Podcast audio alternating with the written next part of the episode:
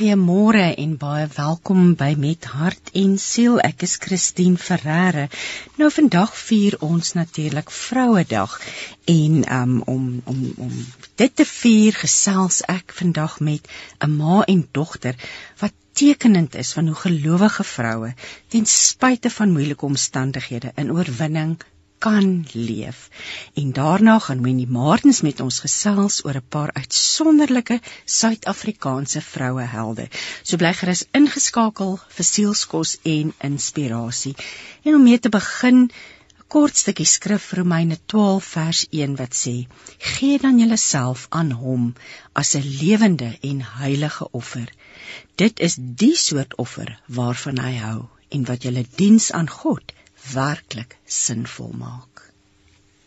Ek sit op 'n pragtige plaas hier in die Langkloof saam met Elsje en Elsje Kritzinger Junior en Senior en ons kuier op Kritplaas. Um die rede vir ons besoek is om by die Suikerbossie berghuis te gaan kuier en te bly en en, en tyd te spandeer, maar die mense met wie ek vandag kuier het 'n interessante geskiedenis, 'n hartseer geskiedenis en um, 'n geloofspad wat hulle geloop het en ons gaan net heerlik gesels oor wat alles die die storie, die storie van Elsje van van van jou en jou familie en jy het hier jy het in groot geword in in Graafrenet. Ja, ek het Graafrenet klaar skool gegaan en toe het ek jaar vroue leer college toe George.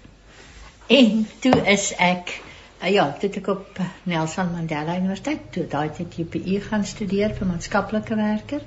En ja, toe ek hier op Jubertina begin werk en ek het maar al die jare hier gewerk.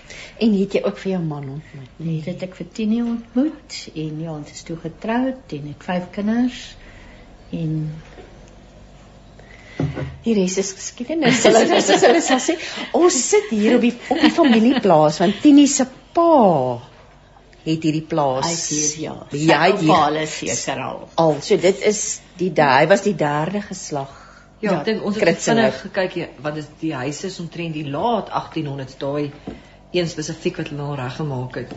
So redelike lang tyd. As mens nou as ek as nou hier uitkyk, kyk ons ons lê in die Kougamma het julle gesê Kouga Kama Kama Dit ja, hulle verander ja. die name heeltemal. Ja. Maar die berge voor en agter ons, want ons is reg hier in in, in die berge. Agter ja, is die so smal klein bergreeks hier nou tussen ons, maar dan's dit Tsikama aan die see se kant. Ehm um, met vaarse rigting se ken in die Kouga berge voor en nou ek ja. kom met lang kloof is is 'n stukkie tussen die die naam Kritplaas. Waar kom dit vandaan? Dit is nou maar afgelei van Kritsinger.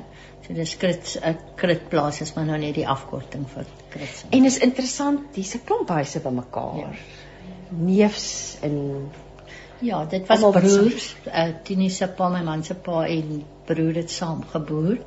En ja, dan was dit nou neefs om hulle en ja, die oupas het seker nou maar die grond gehad en toe vir elke seun 'n stukkie gegee en so dit nou maar weer verdeel geraak.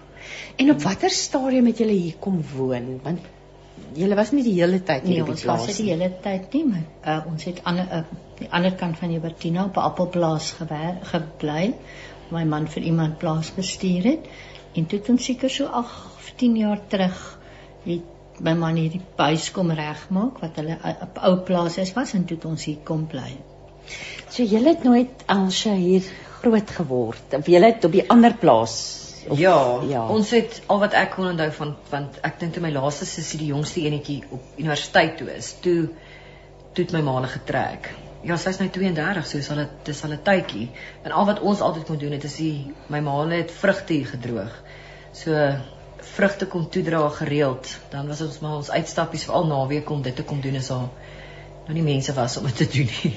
Ja, en uiteindelik ja. het ons hierdie deel wat nou aangebou is, wat ons nou insit, het my man nou sê steen vir steen alleen gedoen en kom werk en dan ons nou maar naweke vakansie so die kinders kom help. Wat nou so interessant is is Elsje ons het nou lekker saam gekuier oor 'n lekker bord boerekos vir middagete en jy bly alleen hier. Dit het die kinders het of Elsje het nou vir ons vertel, jy bly alleen hier, hier's niemand wat jou help in die werk ja. nie. Is jy ooit bang Nee, wie ek sê gelukkig is ek nie bang nie, want as 'n mens bang is, moet jy nie hier bly nie. Want my skoon een skoon sien hy sit altyd so lekker op die stoep en sê ma, hier kuier ek nou lekker, wil ek bly. nee, gaan nou by die huis 'n bietjie ja. bang. Ja. nee, gelukkig is ek nie bang nie, want dan kan jy nie hier bly nie. Maar vrou alleen al hierdie werk te doen, want jy het twee gastehuise, die Berghuis en die Sinkhuisie. Um wonderlike storie agter dit. Um Elsie het met my kontak gemaak oor die karavaantjie. Ons gaan nou oor die karavaantjie gesels. So sommer 'n lang ompad en toe besef ek daar's 'n Berghuisie ook en maar So jy hanteer al die werk op jou op jou eie. Kyk, ons is so lank in die bedryf. Ons het ook nooit gedink dit gaan ons ek het nooit gedink ons gaan gastehuise want my man het die huisie in die berg vir Elsie begin bou, sy wou daar 'n huisie. Ja, dit was toe ons nou hier meer begin kom en ons begin meer na en hulle twee hier nou woon. Ja, ja, paar, toe ja. kom jy nou meer hier en dis dit soos daar waar die berghuisie byvoorbeeld nou was, is 'n jy sit nou sien, maar dit is 'n mooi uitkykpunt. En ek het altyd vir my pa gesê, "Hier wil ek 'n huisie bou." En hy moet dit bou. En ons het oorspronklik was die plan om dit met klip te doen, maar toe sê my pa nee, ek gaan hom, hy sê die huisie bou, maar as ek met klip kies, gaan ek hom doodmaak. Dan gaan dit nie werk nie. Jo man, en en nou kry jy ooit gekans om daar te gaan bly? Is daar nie net te veel gaste wat nou opdaag nie? Dis die probleem. ja, maar ek ben uit om tot vloer uh, die vloer gegooi en toe is hy nou oorlede toe dit nou so 2 jaar so gelê en toe 2019 het ons hom laat klaarbou. Ek wil praat oor die oor julle stuk familiegeskiedenis, maar voor dit wil ek ook net bietjie praat oor julle geloof want ek dink nie vrou alleen kan 'n mens doen wat jy doen Elsje as 'n mens nie glo dat die Vader daar is om jou te beskerm en te bewaar nie. Um ja, nee, ek dink my geloof ek weet as bevoorreg om in 'n huis groot te word waar geloof baie belangrik was en ja, dit was reg deur ons lewe dink ek vir ons gesin belangrik en as ek nou dink vir Alfred Cecilia ook wat oorlede is, hoe sy haar pad met die Here saam gestap het. Het sy 'n dagboek gehou van nie van die plekke wat sy besoek het nie, maar haar gesprekke met die Here en ja, sy's ja, so ons het geloof is vir ons die is al anker waarna kan vas. So anders is daar nie. Ons het nou nog nie daaroor gepraat nie, maar ek wil net dadelik sê maar wat 'n wonderlike ding vir 'n ma om te weet my kind is by die Here, my kind is oorlede. Um Cecilia is oorlede aan aan breinkanker nie waar nie, nê. En dat jy kan terugkyk om te weet jy weet waar sy is, nê. Wat 'n wonderlike Ja, want sy het altyd in baie van haar dagboekies wat sy geskryf het, sy was siek ja van 2016 af. En ja, dit was sy vir die eerste keer gediagnoseer. Of sy ehm um, en toe is sy geopereer. Uiteindelik gesê hulle gaan nie opereer nie, sy het 'n kwaliteit lewe, maar toe kry sy epileptiese aanvalle. En toe is ek oor om haar by die operasie by te staan. in Londen gewoon. Sy het in ja, Londen gewoon. Ja. En dit was merkwaardig. Ek moes gegaan het om na die operasie wat terwyl sy in ICU lê, moes ek haar net daar by haar wees en dan sou Elsa maand later kom. Ja, ek ek die arbeidsterapie deel. Ja, dit ja, as ek so 'n bietjie terug kan gaan na daai tyd toe want dit was want daai almal het vir ons gevra ook is as jou kind siek is, hoekom gaan jy nie dadelik eh, of ja, maar dinge werk nie so maklik nie. Daar was 'n hele beplanning ook in dit en om die goed mooi te uit te werk. My ma sê altyd sy's nie 'n verpleegster nie. So sy moet gaan bemawel ons nou daar wees. Maar die verpleegsters daar. ja. Maar weet jy sy daai Woensdag aand geopereer en daai Saterdag voor sy opereer is, het al haar vriende van al die nasionaliteite, hulle was seker 30 bymekaar in daai klein Londense tuintjie het vir haar kom bid. En sy is die Woensdag geopereer en die Woensdag toe sy uit die saal uit kom toe bel, vra die dokter vir haar Cecilia gee gou jou ma se telefoonnommer en sy kon dit gee. Hmm. Wat hom goeie teken ja. En toe ons daar aangehaai maar hallo Tessa en ons is die Vrydag na daai operasie het ons uit die hospitaal ja, uit twee dae van na ICU af en ek dink een ding wat my suster vir my gesê het is ek dink die dokter was self verbaas ja. oor hoe die hele operasie afgeloop het want in sy brief nou ek is nou die enigste een in die mediese lyn en my toe sy die dag vir ons ehm um, want as ek nou so 'n bietjie teruggaan ehm um, ons die goed het uitgewerk en ek dink dit is soos dit soos die Here die goed maar beplan want ma, sy kom het altyd oor sy in Londen gewerk het van 2007 af toe sy klaar gemaak het ook as 'n maatskaplike werker. Toe sy daar gaan werk en dan sy Desember se huis toe gekom vir omtrent 'n maand en dan het ons nou so gekuier. En toe my boetie besluit hy trou, toe kon sy nie die Desember kom nie, sy kom toe toe Maart maand. En toe met die, ehm um, ek en sy het nog 'n kamer gedeel die aand en altyd dit was vir ons iets vreemds, maar sy was dokter toe want as sy met ons gepraat en dan sy baie keer gesê sy kry hierdie ehm um, so snaakse gevoel of, of sy en dan raak sy so 'n bietjie stil maar dan praat sy weer verder tot die troue wat in Maart maand toe nou was 2016. Dis aan my praat, toe begin sy net vreemde, dit klink nie soos Susaini. Susaini, dit is soos sy praat hierdie vreemde, dis nie die dis die woorde wat by haar mond om, maar vir haar is dit sy praat met my. En ek het toe verstaan wat nou my man is gaan roep en ek is toe half in trane want ek weet toe hier's iemand iets groot fout wees. Ja, ja. Maar sy het toe intussen al met 'n dokter wat hulle heeltyd vir haar sê dis net spanning van die werk, spanning, spanning, maar toe het hulle haar vir 'n scan geboek. En ek sal die dag nooit vergeet wat sy ons bel. Dit is eintlik die eerste keer dat my suster half hartseer is want die dokter het gesê sy moet inkom. Daar's hulle moet met haar na die scan die uitslae deel. En toe sit wat sy uitgevind het, sy het eintlik 'n groot gewas wat toe nou al ek op daai stadium het sy gesê so groot soos 'n hoendereier ja, in haar in haar brein was. Mm. Wat dit vir die dokter vreemd was dat sy nog nie groot epileptiese aanvalle gekry het nie. En toe het hulle 'n operasie ding vir later in die jaar toe hulle nou uiteindelik besluit om dit te doen vir later in die jaar hmm. geskeduleer. Maar toe begin sy epileptiese aanvalle kry. En weer eens haar geloof was eintlik so amazing want sy mense het vir gesê sy moet met hierdie wat om haar nekke uh soos 'n alarmpie stap dat sy ja. voel sy krye. Ja. Want in Londen is dinge anders. Jy maak gebruik van publieke vervoer. Ja en sy wou nooit ophou werk nie. So dit was altyd die plan om terug te gaan. Sy wil ook nie op siek uh, afgeboek word vir siek wees of so nie. Maar toe begin sy epileptiese aanvalle kry. En ek dink wat vir haar ook goed was, sy het nog gesaam met twee arbeidsterapeute in die huis gebly. Waarvan die een, ek dink dis ook 'n bestemming want die een het in neurochirurgie gewerk en die ander een het die het gewerk in spesifiek tuisbesoeke. So Ja, so toets dit nou halfie aanloop en toe moet sy die operasie kry. So my klein sussie, sy's sy's ook nie in die mediese lyn nie. Sy hou ookie van bloed nie. Sy wil niks sien nie. En sy was nooit oor see nog nie. So die plan is toe dan moet sy nou maar eers te oorgaan. Sy het tog nooit Londen gesien nie, so hulle kan dan 'n bietjie lekker saam kuier. Sy kan vir my suster tee maak. Hulle kan kuier en rustig wees. En dan met my ma nou oorgaan, so 'n stukkie voor die operasie, tydens en na want jy wil mos nou darm jou ma ja, by jou hê. Ja en dan moet ek nou maar oorgaan oor ek 'n arbeidsterapeut is vir die terapie deel. Sien, dit het mooi uitgewerk, hoor dit. En ja, jo, en is, is wat wat het toe daarna, hoe die hoe dit toe daarna, hoe lank het sy nog daarna geleef? 2008, 2016 was die operasie. 2000 en toe dit goed gegaan, einde 2017 met sit nog gereeld vir die toetse gegaan. Toe was daar weer 'n gewas. Dit was eintlik so jaar na die ja, tyd ja, want sy sy was redelik skoon en sy was gereeld opgevolg het en ja. toe sy toe hulle gesê vir 'n jaar na die tyd die gewas het nou weer begin groei. Hmm. Toe sy met chemo begin en sy toe daai is die bestraling. Ja, en toe die chemo en toe sy het oor bestaan toe sy oor ag Artemis toe gekom vir die vakansie. En dis dit wat Ja, so sy so met bestraling werk het, is so sy kon nie vlieg nie. So toe kon sy daai Desember nie huis toe kom nie. En toe sy besluit met die ander sussie want ons is baie sissies gaan nou ook Londen toe kom. So toe sy ek dink haar dogtertjie was toe so jare dat my suster ook nog nooit gesien het. So toe sy vir hulle Londen toe dat kom. Toe hulle nou eintlik dat sy dan nou nie Desember hmm. alleen was nie. Kon toe ook 'n bietjie sien van die wêreld, daar gekuier. Toe mag sy vroeg in die jaar mag sy toe vlieg. En dis toe nou wat sy Suid-Afrika toe kom eers vir 'n rukkie want hulle moet daar toe op gemo ook begin, maar ja, toe staan nou so 'n stukkie tussen. En dan werk dit ook nie net so maklik soos toe sy gediagnoseer is, moes ons vir hom medies aan die kant uitneem en daar was wagtydperke.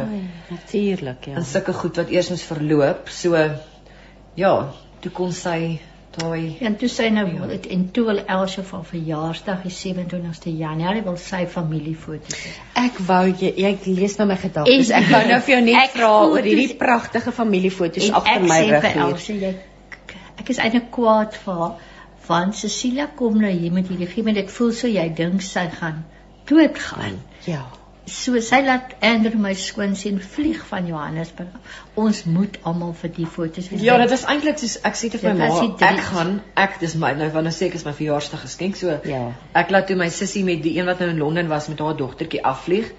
toe ek weet ek kan nie eens onthou nie, maar toe voel ons ook sleg want ons wil nou almal wees. Ja. Toe laat vlieg ons die man ook maar sommer af. En is dit wonderlik want nou kom ons hier vir hierdie foto's wat ek nie verneem wou hê nie want ek het gevoel jy Ja. dit klink so. En Tini was toe nou net kom van Port Elizabeth af uit en sy toets vir sy kanker. Ehm Ja, ja, hy het Hy- in 'n hy- kanker hy- gehad. Ja, as ek- ja, kom ons praat, kom ons praat oor oor oor jou man, oor jou Ja. pa, oor Ja, dit Tini. was 2013. Wat hy die operasie die musiekie laat uitsny. So in in, in as ek aardig net daar kan inkom, dit was eintlik ook weer ons is nie me, ek bedoel ek is in die mediese beroep, maar iets soos velkanker of sulke goed sies Mm. wat jy sommer net weet of sien hoe dit lyk eers nie. Nee, nee. En op daai stadium my pa was 'n boer baie ure in die, In die son spandeer ja. en hy het nogal die dominee op die dorp se vrou was hy Ja, Estie se pa het 'n tyd af en hy het weet sy gesig gedeel skeef gedraai na hulle nou die Mm. operasie en die spiere gesny het en sy toe hy- toe sien sy dit bil raak en sy sê hy moet gaan vir 'n toets en toe het hulle dit ontleed en gesê dis kwad uh, dis van 'n diep uitgesny so hy het nooit weer las gehad nie en hy moes nou En- net vir sy opvolg kom en hy kom toe Ja. ja. week voor hy foto's toe kom hy Want nou dit is eintlik elke tydverloop van dit. So so hy moet omtrent dit elke 6 maande met pa en ek ek dink ons het op daai stadium nie regtig vreeslik van Nee. velkanker. Dit het nie dit het nie geklink of dit so ernstig was nie. Ehm um, ek dink dit my pa ek- dink hy het eers besef hoe maar in elk geval toe sy na 5 jaar is hy letterlik voor ons die fotosessie is, is hy toe sê hulle vir hom nee maar hy's nou so skoon. Hy hoef nooit weer terug te kom nie half. En hy sê toe maar ag hy sal verkies om maar nog steeds op te volg. So dit is dit letterlik die 10de Januarie, daai naweek, daai Vrydag voor die Foto's. fotosessies wat ons sou neem. Ja, ons het die foto's geneem en toe die 23ste Januarie, toe bel my ma my terwyl my sussie nog toe nou by ons kuier by my in in Hartenbos waar ek toe gebly het. En toe sê my ma my pa het 'n beroerte gehad. Dis ek van maar dit is onmoontlik want my pa so fiks, hy klim die berge uit en hy is aan die gang en bou en want toe op daai stadium was ons nog besig met die berghuisie se mm. dink ons is toe nou omtrent al fondasiehoogte gebou en so. Ja, en toe sê ek vir my ma hulle maar hulle moet dan maar want ek werk toe by staatshospitaal, hulle moet na ons toe kom. Dis naby relatief dat ons kan kyk wat wat- dat Wat dis wat? daarom ja, ek kan met die mense ook daarom praat. Ek sal nooit vergeet jy ons moes hom nog gaan haal het met die rolstoel by die by buite en alles alles gebeur ons altyd so vinnig. En ons is ongevalle toe en ek het nou eendag nog gesê um, maar dis ongekontroleerde bloeddruk. Sê ek nee, jy's my pa's daai tipe wat sal pille hy sal as iemand sê hy my pa kom besoeke na en is pligsgetrou, hy sal daar's nie probleme nie. En ehm um, ja, dis ons oor George toe om 'n scan te gaan doen en ek het nou my kaartjie aan so ek kan nou enige plek of instap want ek werk mos nou daar in die hospitale mm. Die staat en ons my ma het nog in die in die kafeteria is ehm um, tee gedrink. Cecilia was by en 'n vriendin van my ma. Jesus en toe ek in die daarin ongevalle waar die dokter met pa nog op die stretcher lê, toe sê die dokter vir my ja, so dit dit is nou maar glioblastoom. So toe op daai stadium ja, toe diagnoseer hulle hom met aggressiewe breinkanker. Ek wil Ja. nou by julle twee hoor. Ek bedoel hoe ge- gel- hoe hanteer 'n mens dit? Dan is nou jou kind en jou man, dis jou sussie en jou pa te gelykertyd. As jy terugdink aan daai tyd, hoe het julle Ja, ek dink mense is Hoe het net dit- heeltemal verslae en maar ek meen Tini se geloof wat my ook weer ook hy dadelik gesê nou weet hy hoe Cecilia moes gevoel het. Ja. En hy het hy dadelik uit die plaas as iemand vir hom sê hulle sal na sy skape kyk en sê ag is okay is wêrelds goed so hy het onmiddellik oor maar nie oorgegee nie hy wou veg want hy wou Ja, maar hy- lewe maar die aardse goed het nie vir met hom wysheid saak gemaak nie want ek meen hy het probeer het Els moes hom weer leer loop en dan soos op Hartenbos en dan kom ek met hom bietjie plaas toe want ek voel sy plek is. Ou het ook vir my gesê op 'n tyd maar ons moet huis toe gaan. Dan ons hier 'n stukkie maar dan sien ek nie hier's ek kan dit nie hanteer. Jy weet dit is te veel vir my. Jy kan nie geslaap kry maar dit is 'n maklike pasiënt maar hy's dors en hy moet opgetel word ja. met in die rolstoel kom en hy kan nie sluk nie en ja. En op daai stadium hoe ver is hulle dan uitmekaar uit oorlede want want Cecilia ja. wat of hoe ja, wat is daardie tyd lank ja so my 2018 so dit is eintlik ver uit of van 2018 oorlede en sy het 2020 was sy in remissie 1 Januarie 20 toe sy hier op die plaas ek en sy alleen die nuwe jaar en ek sal nie vir 'n skoolmaat van hier en hy sê Cecilia kan ek vir jou vra gaan dit met hy sê sy sy kan nou vir hom sê sy is in remissie dit gaan goed en daai februarie het sy die scan weer geneem. Ja, so en dis dit weer gebel. Dis dit ag, dis dit oral. Dit is dit in al twee frontale. Ja, dis uh, ek ek dink uit uit 'n geloofsoogpunt want toe sy nou in in Londen is, toe sy besluit hier sien ek dit met haar baie gestry en maar my suster het altyd gesê sy is nie 'n siek mens nie. Sy voel nie siek nie en so sy's nooit medies ehm um, gebord of so nie. Ja, ja. Sy het eerder bedank. Ehm um, nog daai trots of want sy is mm. siek nie. En sy het toe teruggekom en dit was nogal vir my 'n aanpassing want ek dink daar's ook nog een ding wat gebeur het wat vir ons baie goed is. Dis soos ons het nou hier op die plaas en ons het toe bes, uh, op 'n koel ek wou trek of iets maar toe koop ek en my ma en my suster 'n uh, huis in Hartenbos saam wat ek toe by gaan bly maar die die ja dis ook 'n storie op sy eie maar hoe ons die spesifieke plek gekry het wat die twee huisies opgehaat het so toe bly ek en sy tussen nou terugkom, bly sy toe by my. Terwyl sy nou siek is en ek is nou ook 'n arbeidsterapeut, maar dan is dit nogal bitter om te sien as jy suster agter uitgaan en iemand wil nie oorgee in die sin van erken ons fout nie. Ja. Dis maar maar sy is moeilike tye. Merkwaardig geweest want sy het sy yes, in haar dagboek is dit regtig elke dag haar gesprekke met die Here aangeteken wat sy vir hom vra sy wil gesond raak en dat sy sê sy weet nie wat met sy vir man sy wil nie vir mense sê sy val vrou hoekom werk jy nie dan wil sy nie sê sy het kanker nie. So sy het in daai jaar wat sy so siek was tot die Julie maand kon sy het sy hmm. by 'n tweedehandse plekkie vir sy by so 'n hospitaal sy by ag sy het by die skool gaan kinderklas gee of iets by Bartenbos skooltjie by 'n skooltjie Sonskyn Vallei het hulle lees gehad sy het 'n Bybel sit ingeskryf vir 'n narratiewe kursus. Sy was na 2 jaar narratiewe terapie. En ek het en sy was so graag hê ek moet dit saam met haar doen en ek het nooit die tyd gevind so ek is nou met dit besig. Dit is 'n fenominale maar ja, groep mense hier by mekaar. So ja, as jy ja. gaan toe dit nou maar net agteruit teruggegaan. Wat op die plaas het en dan ag dan raak sit ag Dit was 'n liefe tee. Ja. tee drink was in sy Royal Albert koppies uit tee gedoen. Oh. En as sy verjaar het, het haar Londense vriendinne vir haar 'n Royal Albert koppie gegee. So sy het in style haar tee gedrink. Want hier is sy die mekaar is, maar sy het geweet waar die ketel is. Later het sy vir my dit was het sy vir my tee in die bed gebring as ek op Hartenbos is. Ek het probeer om min te gaan mm. aanvanklik dat ek nie wil haar onafhanklikheid. Ja. Dan sy vir my TB toe gebring en net daarna dan kry ek 'n oproepie wanneer kom maak kuier. maar haar vriendinne was so oh. dierbaar en dit ag van Stellenbosch af. Toe sy eintlik in Londen is, het twee van haar vriendinne met hulle man sou teruggekom in Suid-Afrika toe en toe sy siek is en gehoop het toe kan sy leer hulle alles om daar by haar te wees. En hulle het toe nou sy nou Bartembos is, het hulle van toe hulle nou op Stellenbosch toe dan later toe sy terug is, het hulle ook teruggekom en dan het hulle gekom, dan kyk hulle vir 'n week na dan sê hulle ek moet haar vriendin uit Johannesburg het haar babatjie gelos. Ja, en hoe sy, wat het sy in Londen gedoen? Sy het maatskaplik. O, ekskuus, jy ja, het gesê ja, sy was 'n ja, so op die hart vir mense gehad. So, ja. En nou is dit vir my sleg hierdie narratiewe kursus vir my lekker. Ek verstaan hoekom sy. Ja. Maar nou toe sy oorlede is, was sy nou met sterwensbegeleiding besig en, en trauma hantering.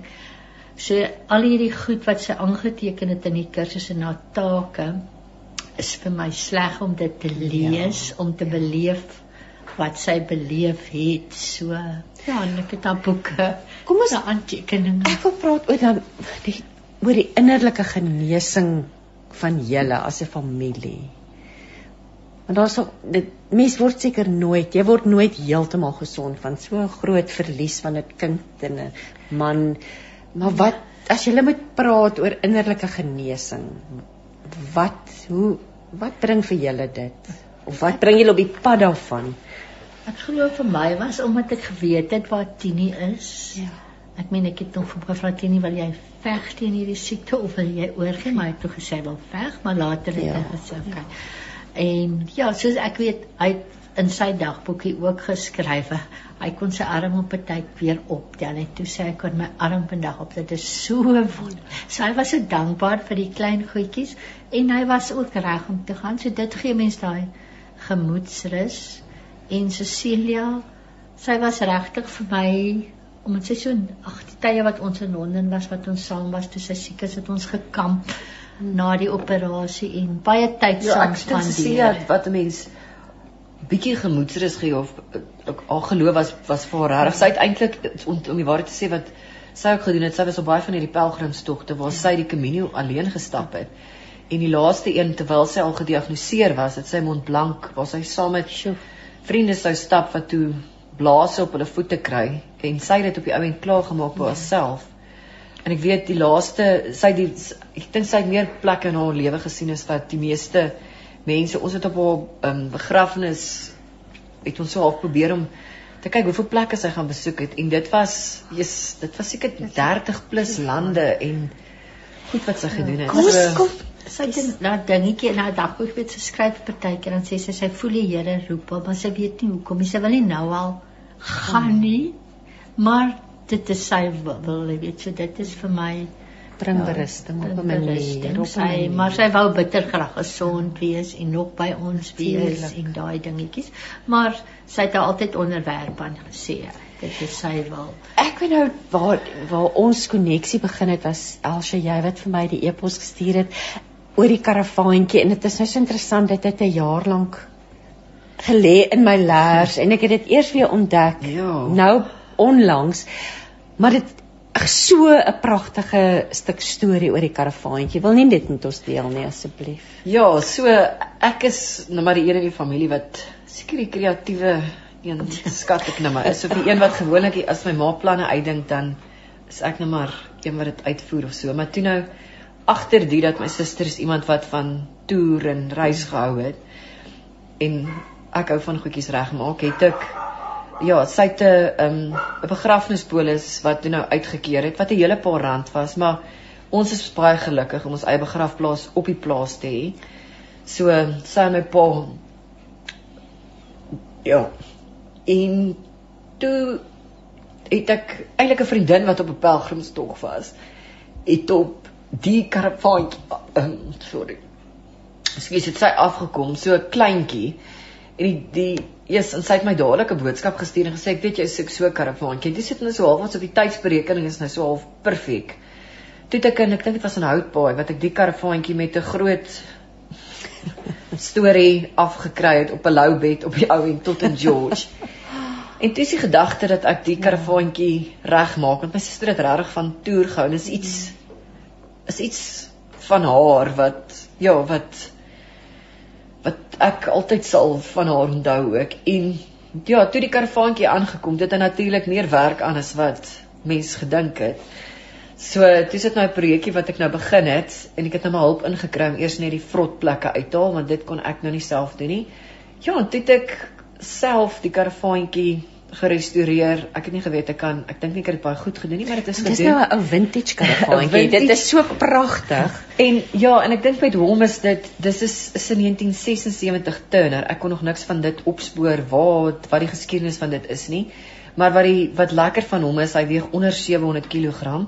So enige een kan die karavaantjie half hak. Jy het nie 'n spesiale lisensie nodig nie. En dan kan jy die karavaantjie vat en plekkies gaan verken. Ek weet nie hoe ver hy gaan reis, maar hy is op die pad.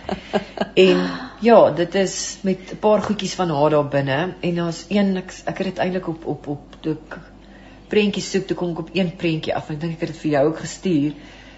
Is, is ja, dit is so 'n toneel van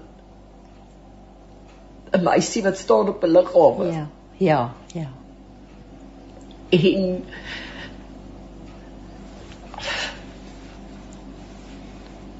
Ja, as mens kyk na die foto,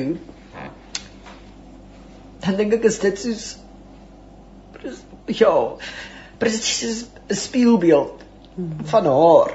Want op daai stadium ons altyd ja, ons het altyd met haar gespot. Sy het kom verskriklik met groot koffers hier van Londen gekom. maar ek dink is ook die helfte van dit was persente gewees, ek wou net sê. So dit kan ek darm nou in half, maar is hierdie groot koffer wat langs daar staan en dan gooi sy hom so oop met en dan blyk dit so 'n ontploffing altyd selfs maar baie die mekaar rig ook. Maar dan met haar ehm um, kort hare soos ja, dis sy laaste ruk gehad het. Mm. 'n sak oor die een skouer en die koppie tee. Ai. Ja, hoe lekker om hoe lekker om sulke mooi herinneringe ook. Ja, so nou gaan kamp ons en dit Ja, dit voel al iets van haar. Ry jy met die karavaantjie? Ry jy of jy die karavaantjie staan by jou? Hy staan by my. So My ma het al ons het al twee keer Hartenbos sit in by wat die ander plek Klentana. Klentana. Ons was ook al by Hartenbos. So ja, ek en 'n vriendin gaan kamp en Ja, ek dink iets wat nogal spesiaal is is oor hy so oud is. Ja. Ons het laas toe ons my ma die karavaantjie getrek het en sy wil hom nie trek nie. ons het nog eens ingery, ons nog besig om te parkeer. Toe kom tik een oom aan my man se venster en so half raas so half, maar ons kan toe nie verstaan waar dit ons dog ons oor sy tentpen of iets gery toe sit nou met die karavaantjie want hy sê hy was die oudste een of wat hy die oudste karavaan in die park gehad. O, nou jy is die oudste karavaan. ja. ek, ek is nog glad nie om of ken mos nie ouer man. Ja.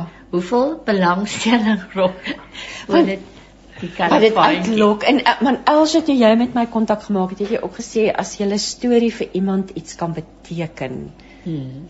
Dan sal jy tevrede wees. So mense want dit is dit gebeur nê nee, dit is mense wil amper sê dit gebeur amper te veel mense wat geliefdes afstaan aan kanker aan die dood ons is deur ja. covid wat mense so baie mense verloor het en so die, ja, die belangrikheid van om ja. amper 'n monument dis ons as ons dink aan ons gelowiges ons gebruik die die brood en die wyn nagmaal die doop die simboliek die rituele dis amper of hierdie gedenk ja. karavaantjie vir haar is uh, maar wat wat ja watter boodskap het jy vir vir mense wat ook sukkel met met om iemand wat iemand wat siek is of verloor het aan die. Ek dink so so maklik kan 'n mens vashak in die hele rouproses. Hmm.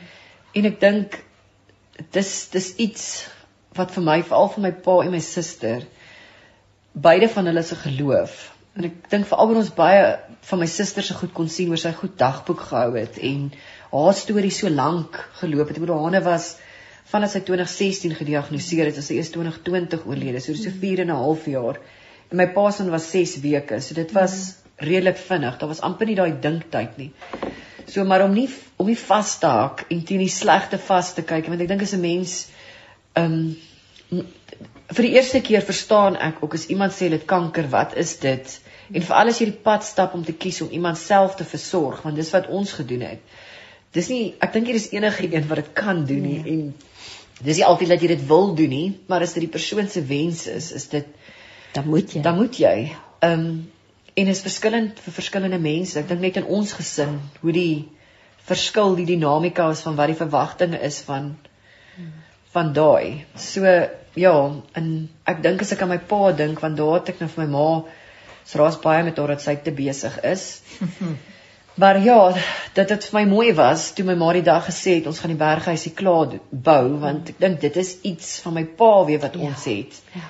En weer eens om ookie te gaan lê nie en net te um vasstaak in die hele rouproses van dit is goed wat gebeur het wat sleg is nie maar om die mooi uit dit uit te haal en te kyk wat kan jy doen want my ma is nie 'n boervrou nie sy was 'n maatskaplike werker vir hele lewe lank um ja.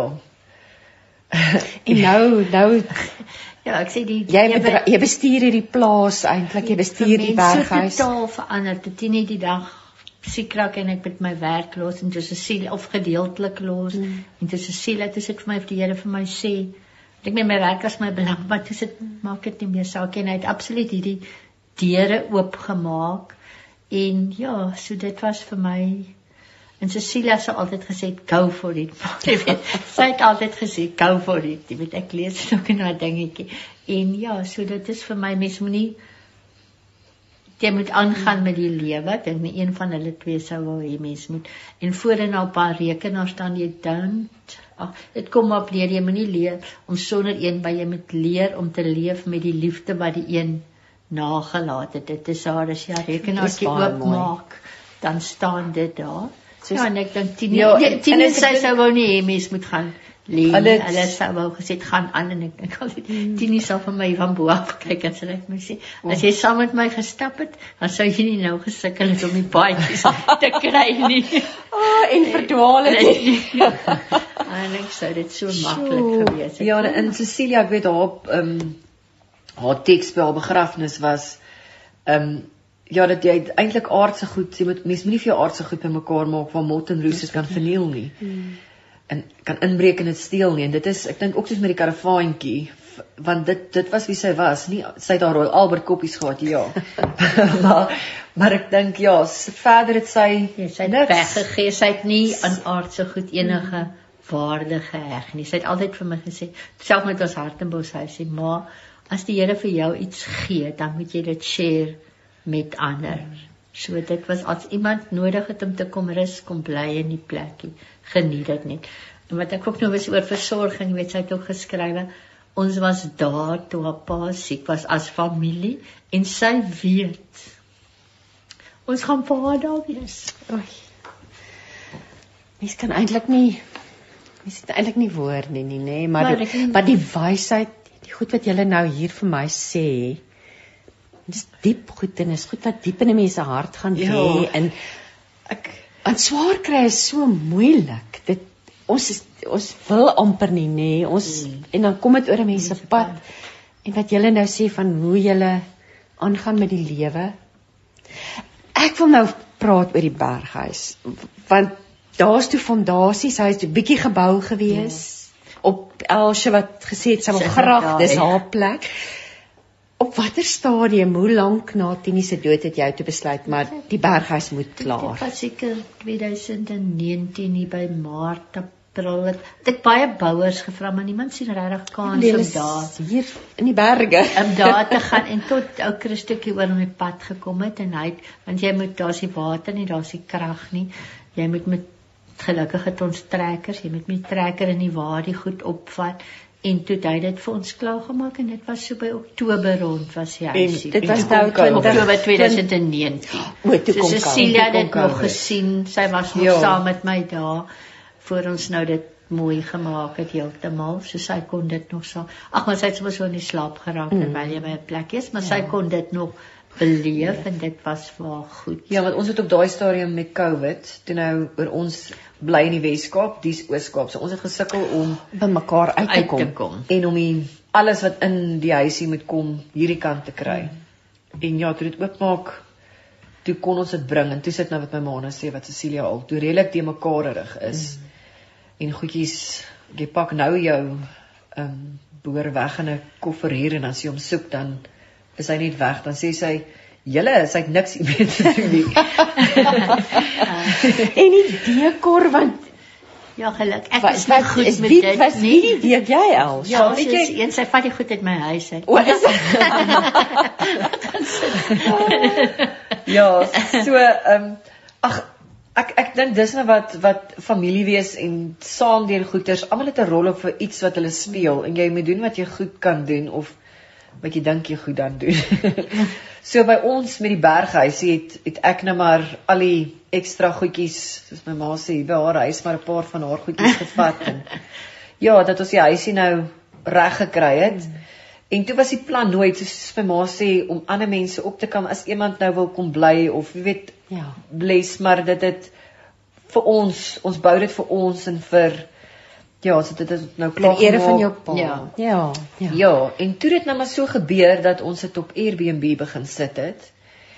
En ja, klein sussie, ja, dit um, was net die gedagte dat dit en ons was verbaas. My ma het gesê as dit eers al een mens 'n maand kom bly, dan is dit vir ons genoeg, genoeg. Ja. En nou as die mens kyk na die besprekings, jy kan nie plek kry nie. Ja, dit is nee, dit het ons verwagtinge oortref. Maar ek ben nou gesels oor die mense behoefte aan stilte want wil julle woon okay Elsie jy is nou in George wat anders is my Elsie jy woon hier in die stilte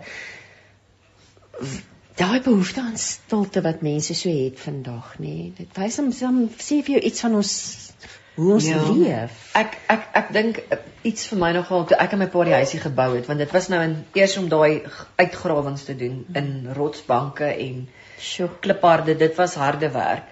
Maar so elke fase want ek was nou baie naby, so ek het gereeld kom kuier om te kyk hoe vorder dit en dan tydjie nou maar afgevat of ons ons nou met opvul op elke fase regtig soos 'n boodskap, 'n gebed in die muur, jy weet of in die pragtig in te sit en juist te vra dat wie ook al hier moet kom dat hulle daai vrede en rustigheid daarmee aan ervaar. So dis iets wat ek in elk geval hoop die meeste mense ervaar darm, hmm. maar ek glo daarom so.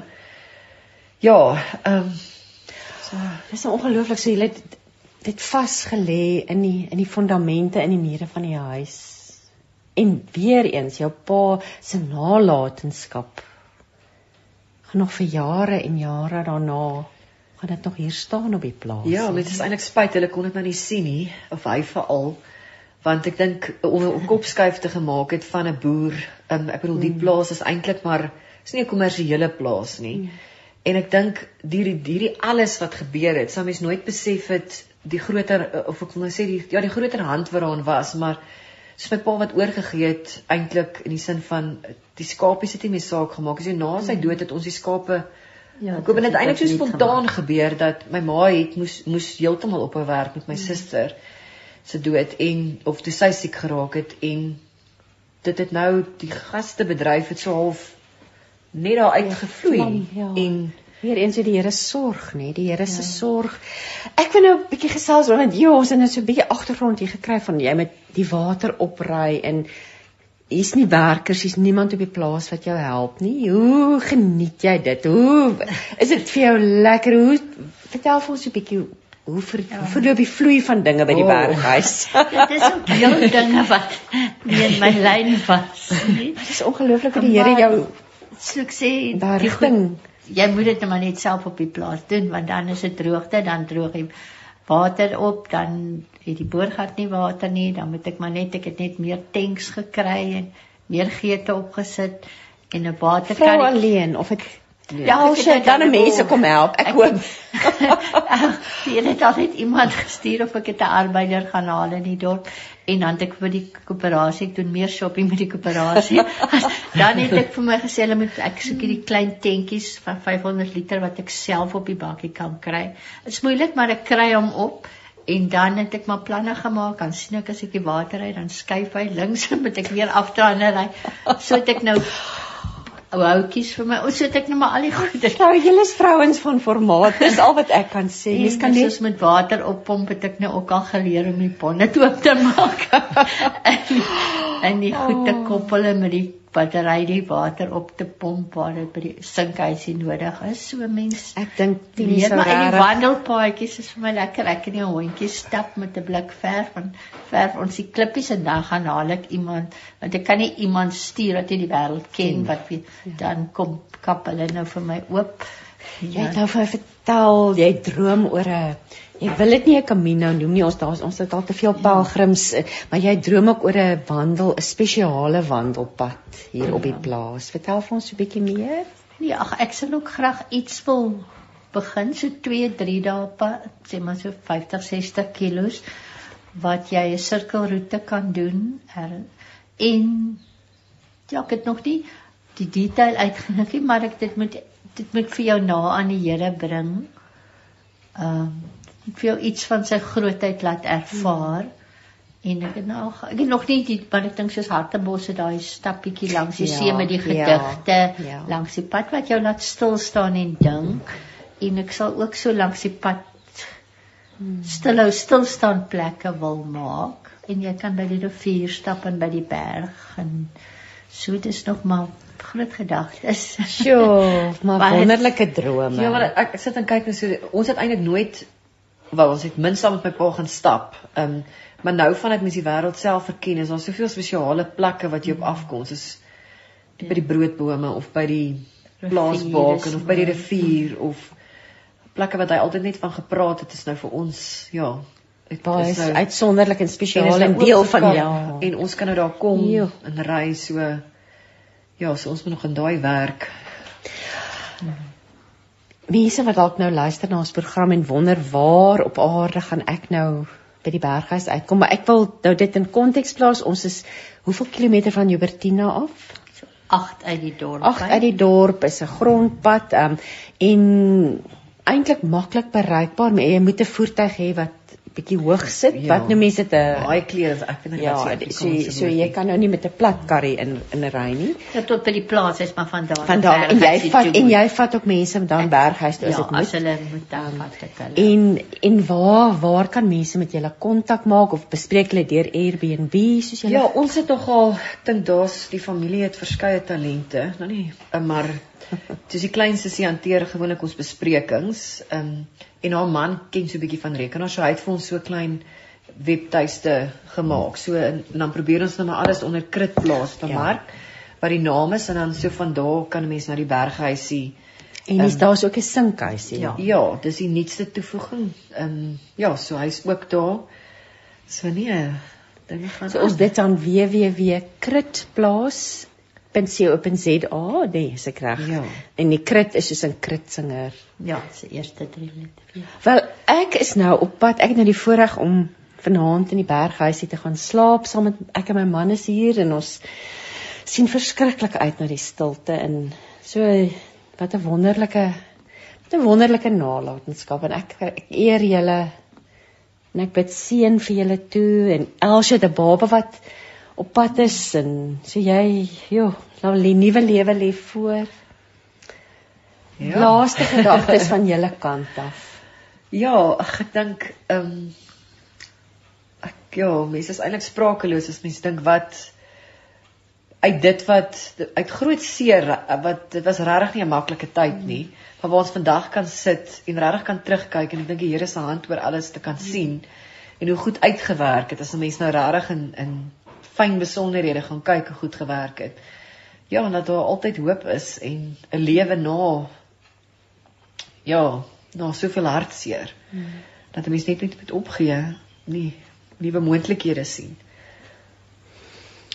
Ja, nee, ek voel ook mense is so geseënd en begin begenade en ook daar's baie mense wat hartseer ervaar en groot hartseer en groter hartseer, maar dit is nie een se hartseer is groter as die ander een se nie, maar dit gee ook as mens dinge deurgemaak het dan maak dit jou soveel meer toeganklik vir ander mense of ek het soveel vriende deur dit. Ek self van Cecilia se vriende in Hartenbos is nou my vriende. Dis haar nalatenskap. So mens is nou meer ingestel op ander se seer.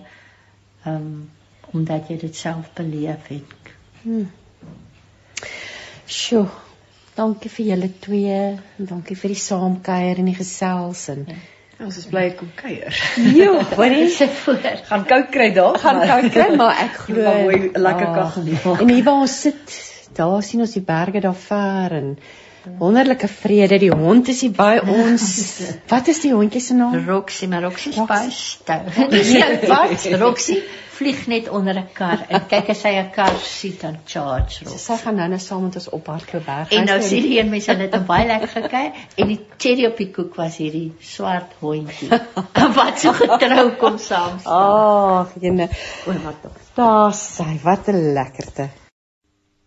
En nou gesels ek met skrywer Wendy Martins oor 'n besonderse reeks boeke. Dit is 'n um, 'n boeke vir jong boeke vir jong vroue met die titel Vaandeldraers vroue helde van Suid-Afrika illustrasies deur Lentjie Brand en ja gepas vir Vrouedag vandag om om oor hierdie besonderse vroue te gesels. Hallo Wendy, hoe gaan dit? Hallo Christine, dit gaan baie goed, dankie met my en dit is lekker om met julle te gesels soos altyd. Wendy, hierdie boeke is so gep pas. Dit is al 'n rukkie gelede geskryf, nie te lank gelede nie, maar vir my is dit so gepas om vandag op Vrouedag hieroor te gesels. So ek gaan dadelik vir jou vra, waarom het jy die boeke geskryf? Ehm um, dit is onder die onder die groepstitel Vaandeldraers, vroue helde van Suid-Afrika en dan wil ek hoor waar kom die titel vandaan? Christine, hierdie uh vier boekies ehm um, is 'n stel en elke boek handel oor 3 vroue. So altesaam is dit 12 vroue. Ehm um, ek het eerstens die die stories geskrywe oor my liefde vir Suid-Afrikaanse stories. Jy weet mos dat ek 'n hart vir Suid-Afrikaanse stories het. Ek glo dat as ons mekaar se stories ken en verstaan, as ons mekaar se kom vandaan beter ken en die uitdagings wat ons ouers en voorouers te bowe gekom het en vier dan gaan ons beter met mekaar oor die weg kom en dan gaan baie van die skerp kante waarmee ons in ons samelewing te maak het, um makliker gladder skuur en gaan ons met sagter oë na mekaar kan kyk. So dis die eerste ding waar waarom ek die die reeks geskryf het. Um die tweede is ek wil graag vir uh meisies verhale gee wat hulle help om te identifiseer met die uitdagings en probleme uh waarmee ander meisies en vroue te maak het. Um wanneer 'n mens in iemand anders se skoene stap, uh dan word hulle probleme jou probleme. Maar wanneer 'n mens in storieboekvorm 'n pad met iemand stap, dan word jy dan jy 'n buffer.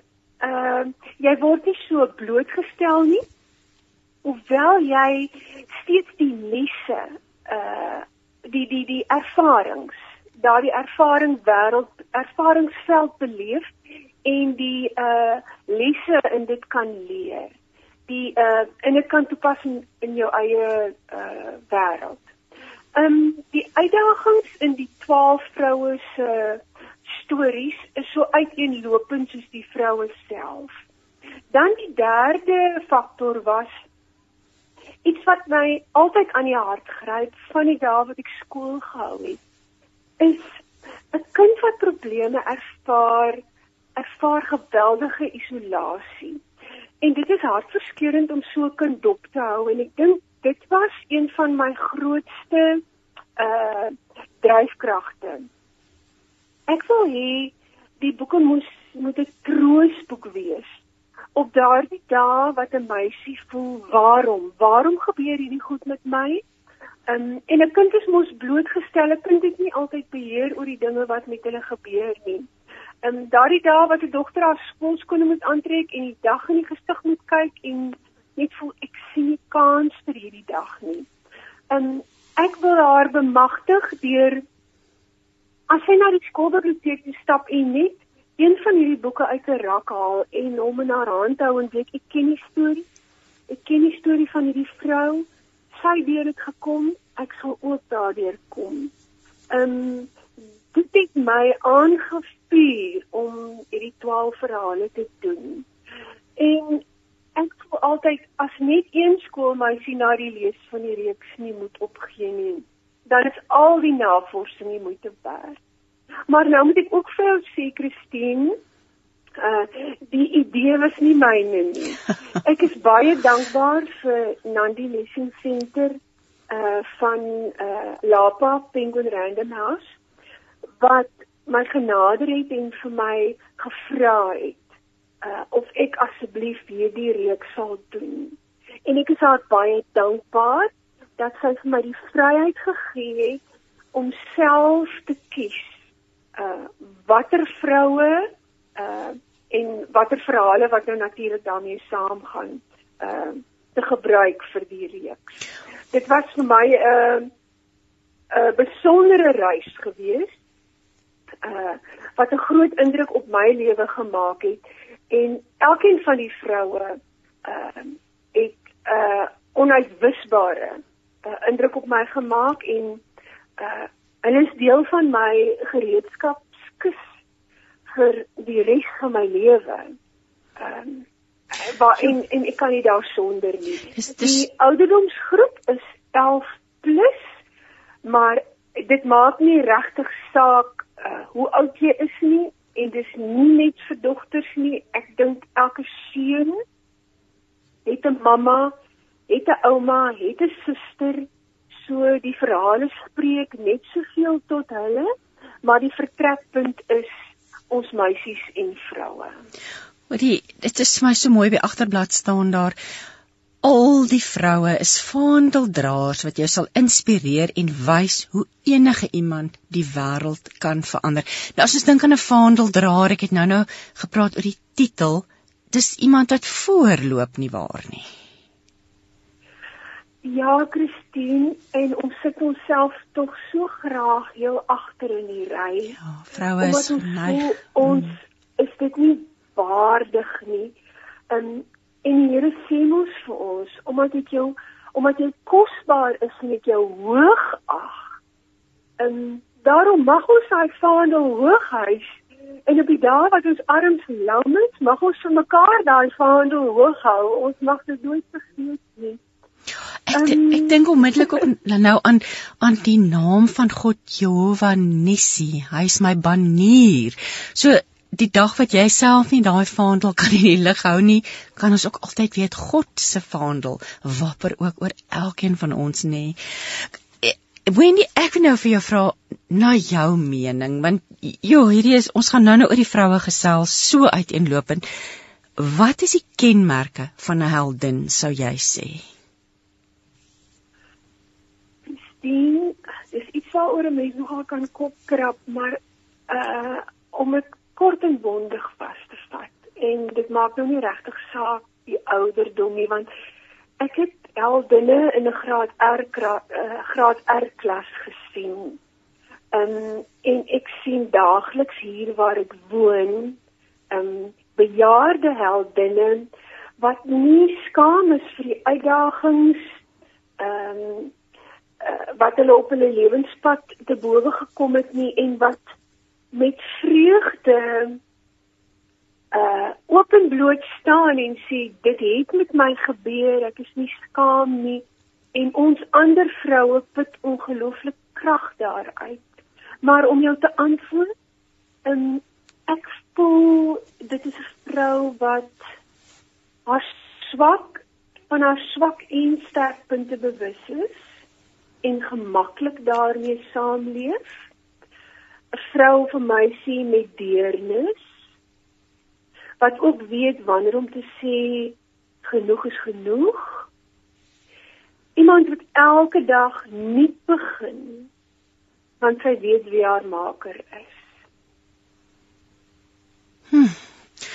Elke dag nuut begin en en, en ja, jy haarself ken En dit is so, jy's heeltemal reg. Ons ons wil graag mekaar se stories hoor. Ons word geïnspireer deur mekaar se stories. Ek wil nou vir jou vra die rol van mentors en dan wil ek ook vir jou vra spesifiek watter rol kan 'n ouer vrou of 'n ouer mentor in die lewe van 'n jong vrou speel?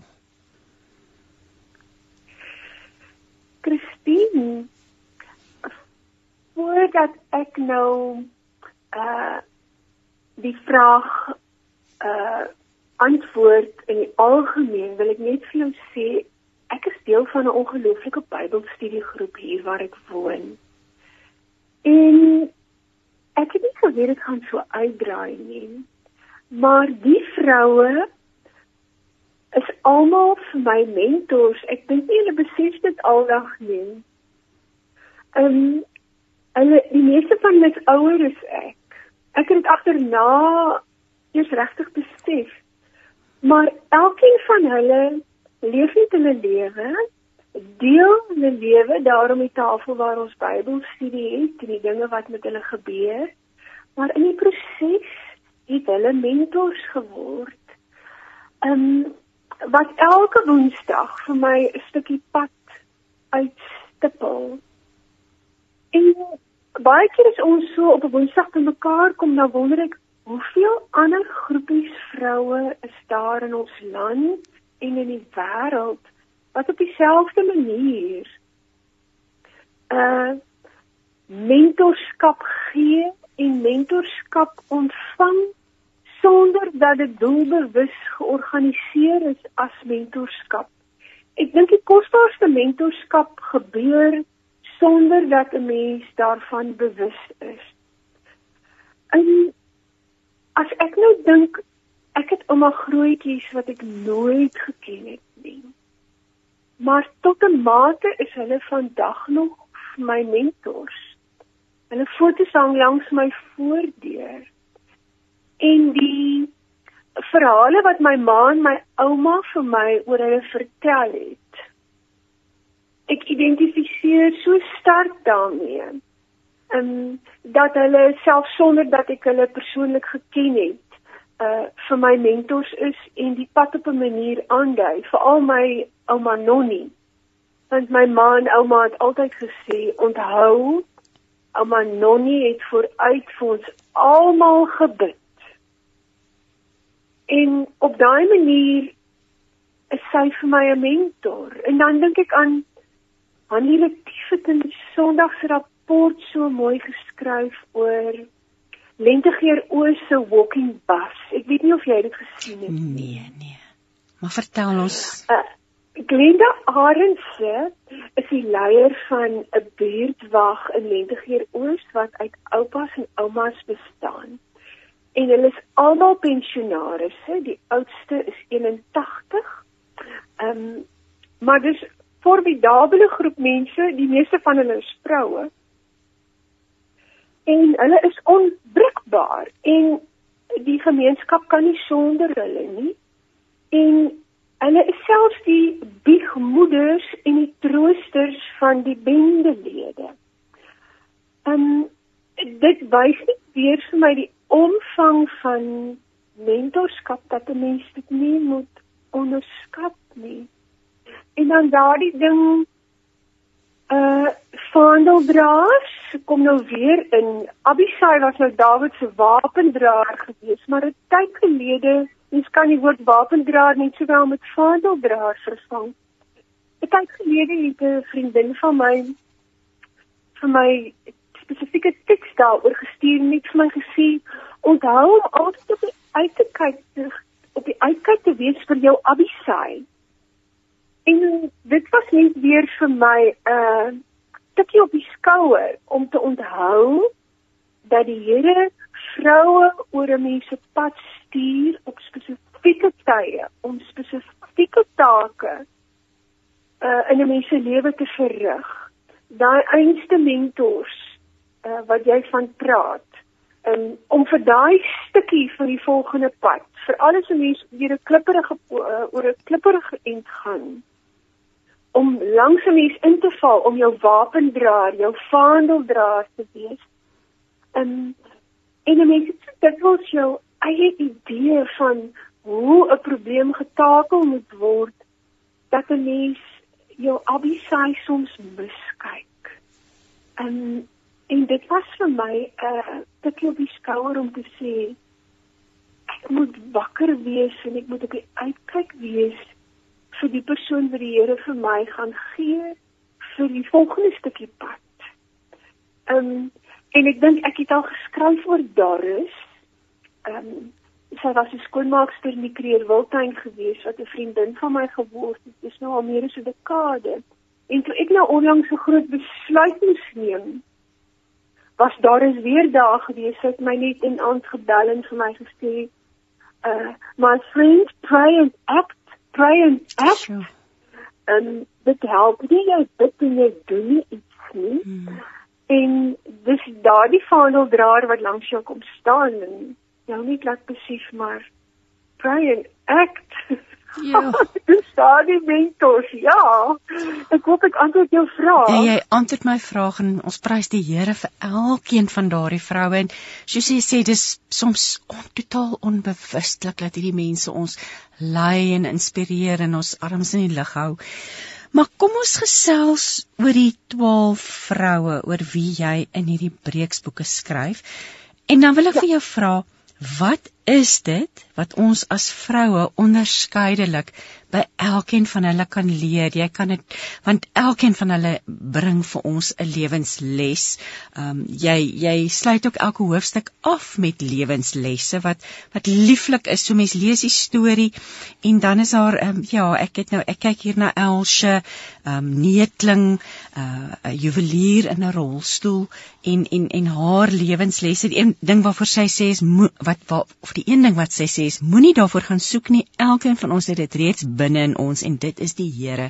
Maar kom ons spring weg. Ek weet nie met watter heldin het jy begin? Waar het jy begin skryf?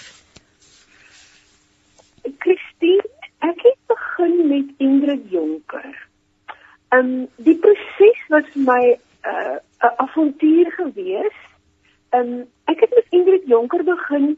Ek wou baie lank al uh Ingrid Jonker vir dogters verwerk, maar omdat dit ehm um, nie noodwendig stof is wat 'n mens vir kinders kan ja. aanbied nie, dis in wese 'n tragiese verhaal.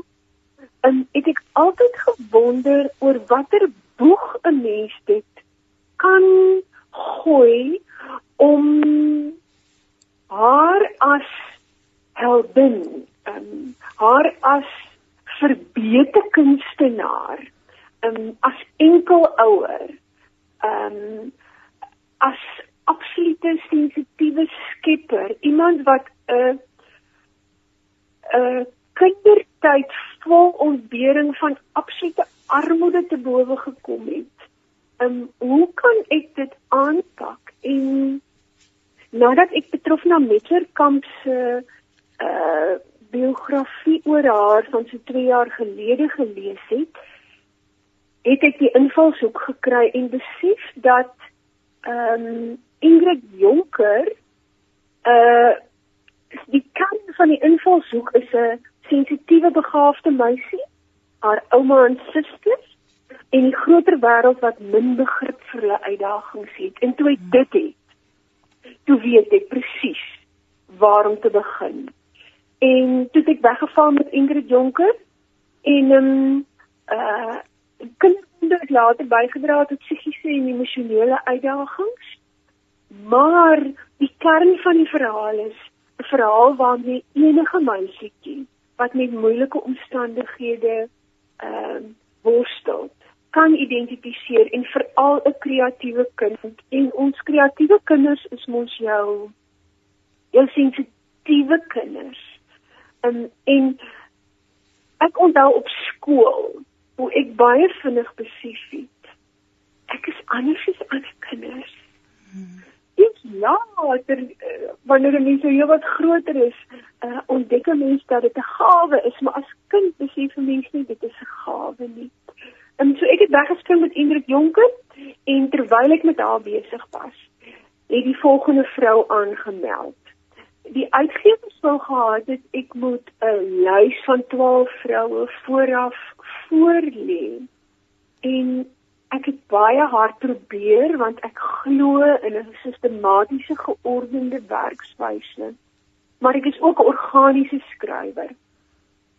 En uh Anmarie Du Carmo was my redakteur gewees en ek het al op 'n dag gekontak en vir haar gesê Anmarie, um, ek staan werklik voor 'n probleem want die vroue is besig om as ek met die een oor die een skryf, meld die ander een aan. Ek kan hulle nie voorsien nie.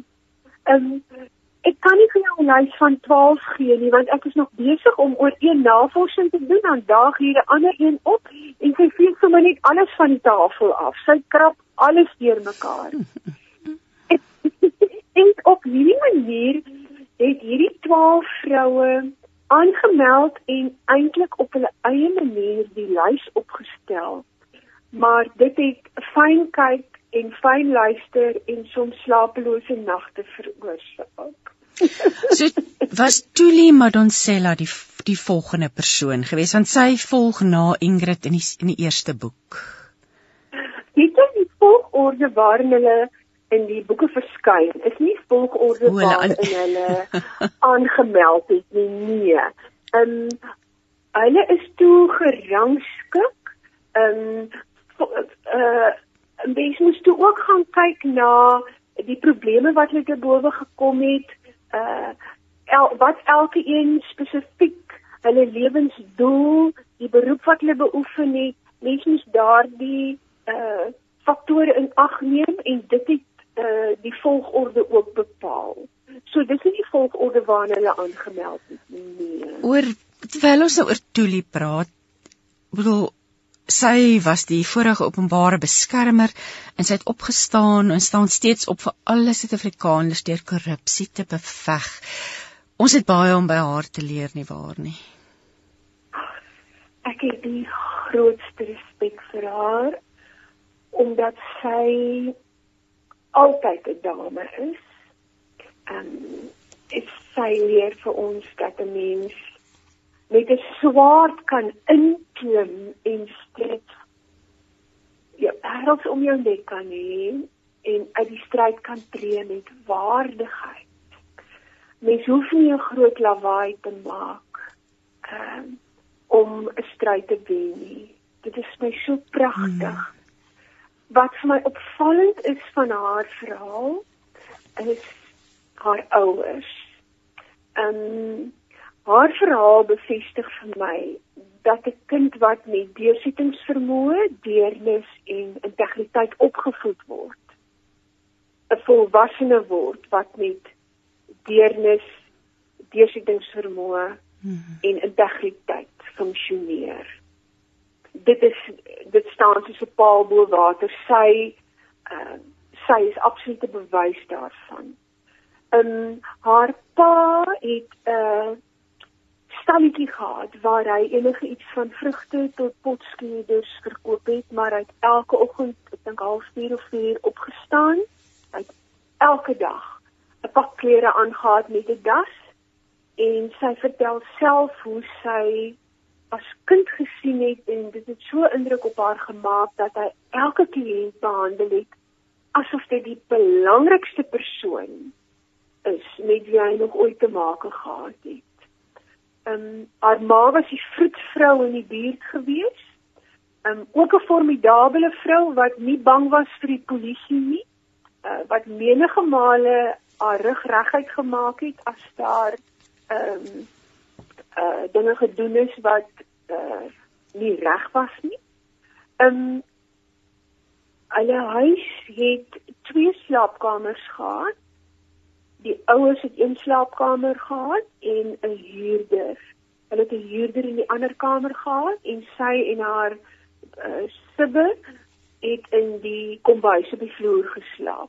Saans as rondom die koelstoof, saans as die huiswerk klaar gedoen is, is die uh, matrasse uitgehaal en daar het hulle geslaap.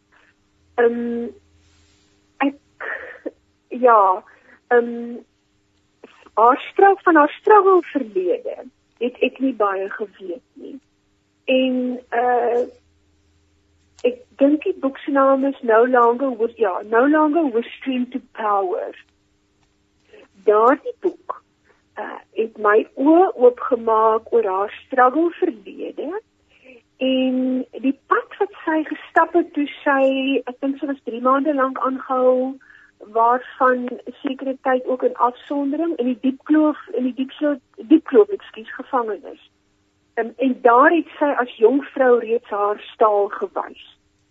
Uh en dit is nie al onbekend nie vir vir ons gewone ouens nie, maar uh as jy so na kyk, dan besef hmm. mens nie hierdie diep waters waar sy uh, die uh, mens besef die omvang van die diep waters waardeur sy is. Dit is so mooi. 'n Absolute inspirasie. Jy haal, jy haal, daar is 'n aanhaling ehm um, oor haar. Ek wil sê as een van die 100 mees invloedryke mense ter wêreld al aangewys deur die Time magazine en ehm um, sy is so mooi is as wat sy sê as 'n vrou van Afrika het ek geleer hoe belangrik dit is om te weet hoe kosbaar ek is, waarheen ek op pad is en watter bydrae ek tot die mensdom wil maak. Pragtig, nê? Nee? Die volgende vrou, oor wie wil jy wie, by wie oor wie kan jy ons nog vertel? Het 'n besondere pad met die verhaal van Sina Venter gestap. En as ek oor Sina Venter praat, dan kry ek hierdie uitseke knop in my keel want ja. ek het nie besef Sina se verhaal mag nie vergeet word nie. Um Suna is een van die um uh sogenaamde SAIK 8 wat in 2017 op 32 aan gebroke hart sindroom dood is. Um sy was een van die ag joernaliste wat by die SAIK afgedank en later weer aangestel is nadat hulle beswaar gemaak het teen uh eh, Matsumense vir die die voormalige uitvoerende hoof van die SAIK se beleid om nie meer beeldmateriaal van gewelddadige proses uit te saai nie. Um haar verhaal het my ontstel. Ek het die hele tyd bly dink hoe verskriklik eensaam sy moes wees. Toe min mense wou glo wat regtig met haar aan die gebeur was. Daar was verskeie aanslae op haar lewe ehm um, ag as jy net nou die storie lees dan dan uh die boek van Futakriege die SABC 8 is daar ook uh inligting daaroor maar mens kan ook maar net op die internet gaan en kyk wat daar beskikbaar is. Um, ek het soms sommer net by my lesenaar gesit en dan was my hart net seer dat sy in hierdie tyd wat ons leef waar soveel hul byderhand is regtig aan 'n gebroke hart kon sterf.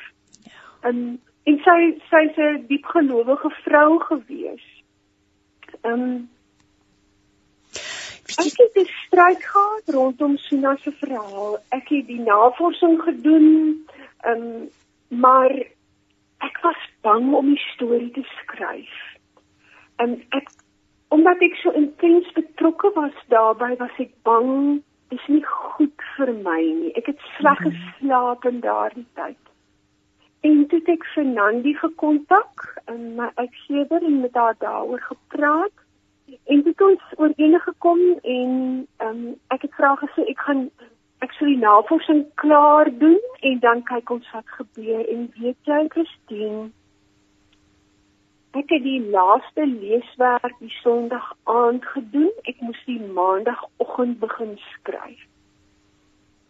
En ek het die Maandagoggend my rekenaar aangeskakel. Ek het die nuwe Word dokument opgemaak en ek het begin. Met 'n beklemming om my hart want ek het nie regtig geweet of ek dit moet doen nie. Ehm, ek wil nie iets skryf wat nie goed is vir my nie.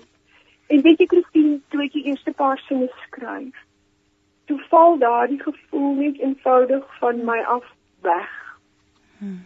En ek ek stap in 'n groot kalm vredige oopte in. En ek weet dit is die regte ding om te doen. En dit is my 'n wonderlike voorreg om Suna se verhaal in hierdie bundel um, te kon sit want haar storie is 'n storie wat werd is om onthou te word. Sy is 'n ongelooflike dapper vrou.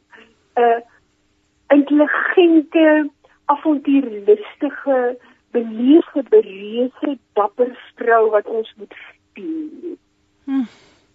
Dis so mooi daar staan ook jy skryf ook te midde van aanslae op haar lewe het sy vir Suid-Afrikaners gewys dat dit beteken wat dit beteken om aan te hou veg vir dit waarin jy glo.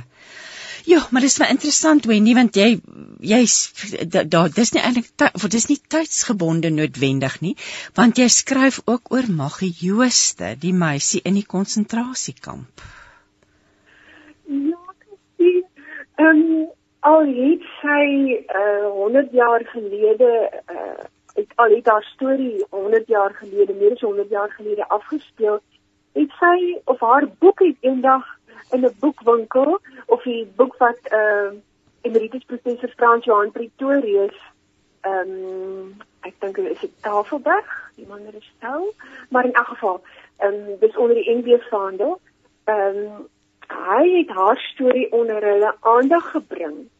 En ek was op 'n dag in 'n boekwinkel en ek was op soek na iets heeltemal anders en hier spring Maggie uit. Ehm um, en toe ek met die boek in my hand staan, het ek net besef maar hierdie storie, hierdie storie het ons nodig om te hoor. Ehm um, die feit dat hy meer as 100 jaar gelede was, is is sommer net eenvoudig weggeval. Want dit is 'n lieflike storie van versoening wat vandag nog net so ter sake is soos destyds. Ehm um, Maggie het haar storie ehm um, sy kon hom nie meer pen nie. Ek dink sy was 'n jong tiener gewees. Ek dink sy was 14 toe hulle uit die kamp gekom het, uit die konsentrasiekamp. Maar in elk geval, sy kon nie haar storie toe neerpen nie. Die omstandighede was nie so nie, maar sy was 'n um, lief vir stories, lief vir lees, lief vir skryf, klavier speel, konsert hou. Ehm um, en toe sy in haar 60's was, dink ek het sy haar verhaal uitgetik en haar familie het dit bewaar en dit het toe by Emeritus Professor Frans Johan Pretorius uitgekom en dit toe verwerk en uitgegee. Maar die mooi ding van haar verhaal is die deernis waarmee sy en haar gesin ook na die vyand gekyk het. Ehm um, behalwe dat die feite rondom die oorlog vir vandag se kinders weer nie aangebied word, want ek voel as ons ons kom vandaan moet ons ook weer in die oë kyk en vir mekaar aangee. Dit is vir my belangrik, maar die versoeningsaspek. Ja. En daardie ding van as die ergste gebeur, wat dan? En met Maggie hulle het die ergste gebeur. Die absolute absolute ergste. Um, en vanuit daai oogpunt bied dit ook vir ons hoop want ons leef in 'n tyd waar angs ehm um, kinders is angstig, ouers is angstig, gemeenskappe is angstig en van wat as wat as wat as. Um, en Maggie se storie gaan daaroor wat as die ergste gebeur. Ja. Daar is iets daarna. En dit gee ook vir my hoop. Weereens moes ek by myself verbykom. Ek skryf so maklik. Enige ehm um, uh, kultuurgroep se storie van my verhale is in ons uh, inheemse tale vertaal, maar ek moes by myself verbykom omdat ek myself so streng sensor um, en veral omdat dit 'n uh, verhaal uit die um, Anglo-Boereoorlog is. Ja. Moes ek weer eens by Nandi inklok? Nandi help my nie om by myself verby te kom. Um, ek wil nie iets aanbied wat ou wonde oopkrap of wat mense krapperig maak nie. Ek wil niemand aansoot gee nie, maar ons het tot die besluit gekom dat ehm um, dit perfek sal wees vir hierdie ehm um, samestelling. En sy gee 'n perfekte balans. En dit is vir my so mooi om haar daar op haar die voorblad langs Zolani Magola te uh, te sien en ehm um, ja, ag ek dink Maggie glimlag op ons almal af. Kom ons ons ons ons ons tyd, ons het nog so 'n paar minute oor, so ek wil graag hê ons moet gesels oor Griselda Grootboom wat 'n aaklige jare as 'n mensenhandel slagoffer oorleef het en nou ander bemagtig deur haar storie te vertel. Wat het jy geleer uit Griselda se storie? Weet jy, uh Griselda het by ons kerk gepraat. Ehm um, daar het ek haar die eerste keer gesien. Ehm um, en wat my aan die hart gegryp het, is dat uh toe sy hier al hierdie dinge is, het sy as ehm um, uh, uh het sy in die parlement gepraat en sy het die mense wat van die mense wat haar misbruik het het in ons parlement gesit. Ja. En sy moes hulle in die oë kyk, sy het hulle in die oë kyk en sy het haar toespraak gelewer. Ehm um, dit is 'n absolute storie van bemagtiging. Ja.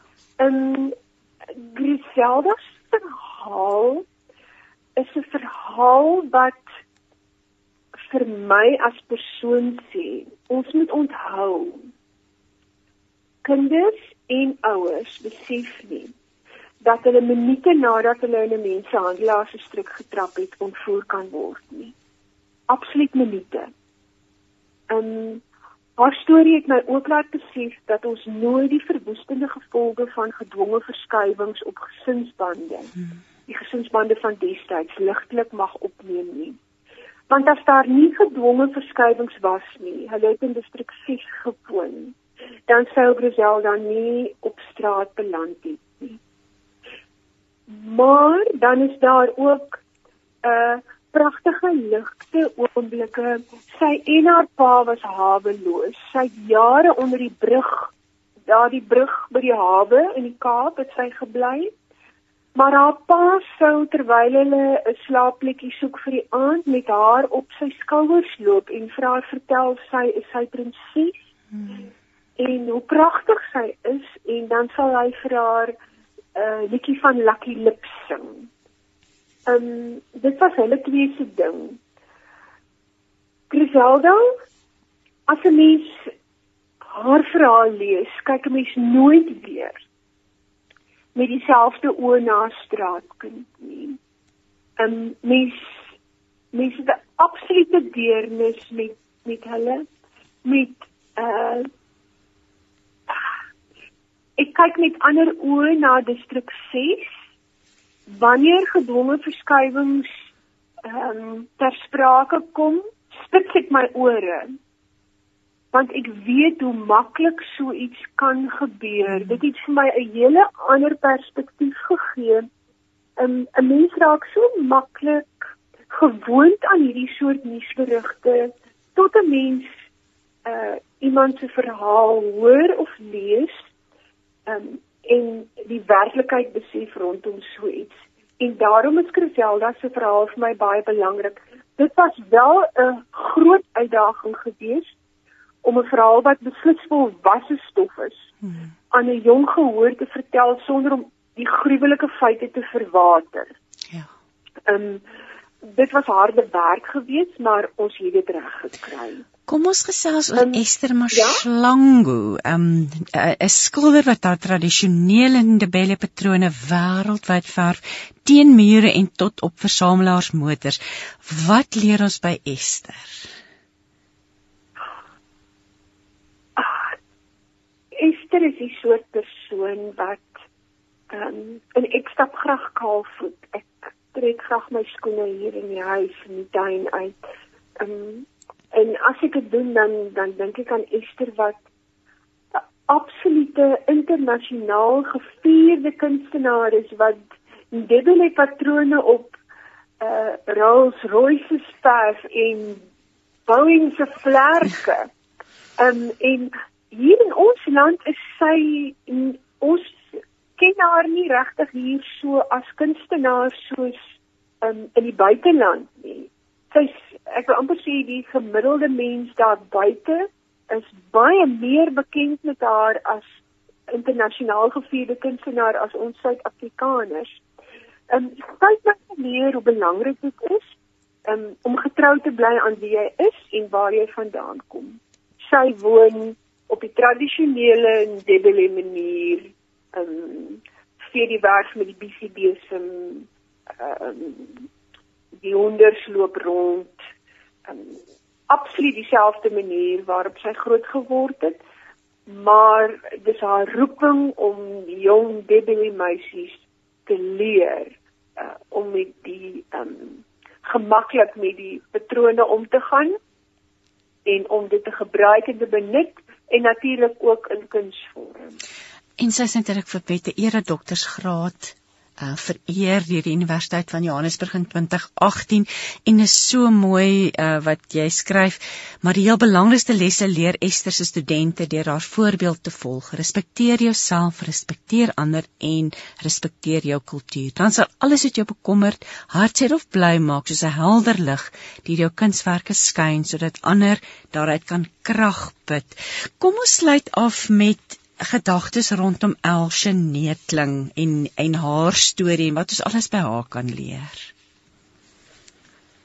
Dan Christine Elsje is 'n wandelende wonderwerk. Sy is as ek dit nou nie mis het nie, amper twee dekades al terminaal. Um, en haar chirurg het tot bekering gekom. Hy was 'n aktivis. Hy het tot bekering gekom um as gevolg van die pad wat sy gestap het. Um haar gesin was van die begin af onlosmaaklik deel van haar reis. Dit was vir my belangrik om 'n storie in te in in die mengsel te voeg uh waar 'n meisie se uitdaging haar liggaam is, haar fisieke hmm. welstand. Want dit is 'n 'n ander pad om te stap. En niemand kan dit namens jou doen nie. Jy moet dit self doen. Ehm um, Elsie het ook by ons kerk gepraat en wat 'n vreugde om so lewenslustige mense ehm uh, na te luister en te aanskou. Um, ek haal my hoed af vir haar ouers en haar uitgebreide familie. Uh, hulle is uh, sy gebruik die woord klein, hulle is 'n formidabele gesin.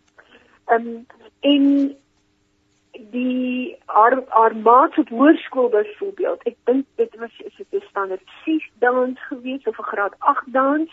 Um hulle het byvoorbeeld almal bandanas gedra uh om haar te ondersteun omdat sy daai tyd 'n bandana moes dra by hulle aantrokke. Ah. Ehm um, sy moes destyds haar hare laat afskeer daarvoor. Hulle het haar deur dik en dun bygestaan. Die pad wat sy gestap het was 'n pad van berge en dale.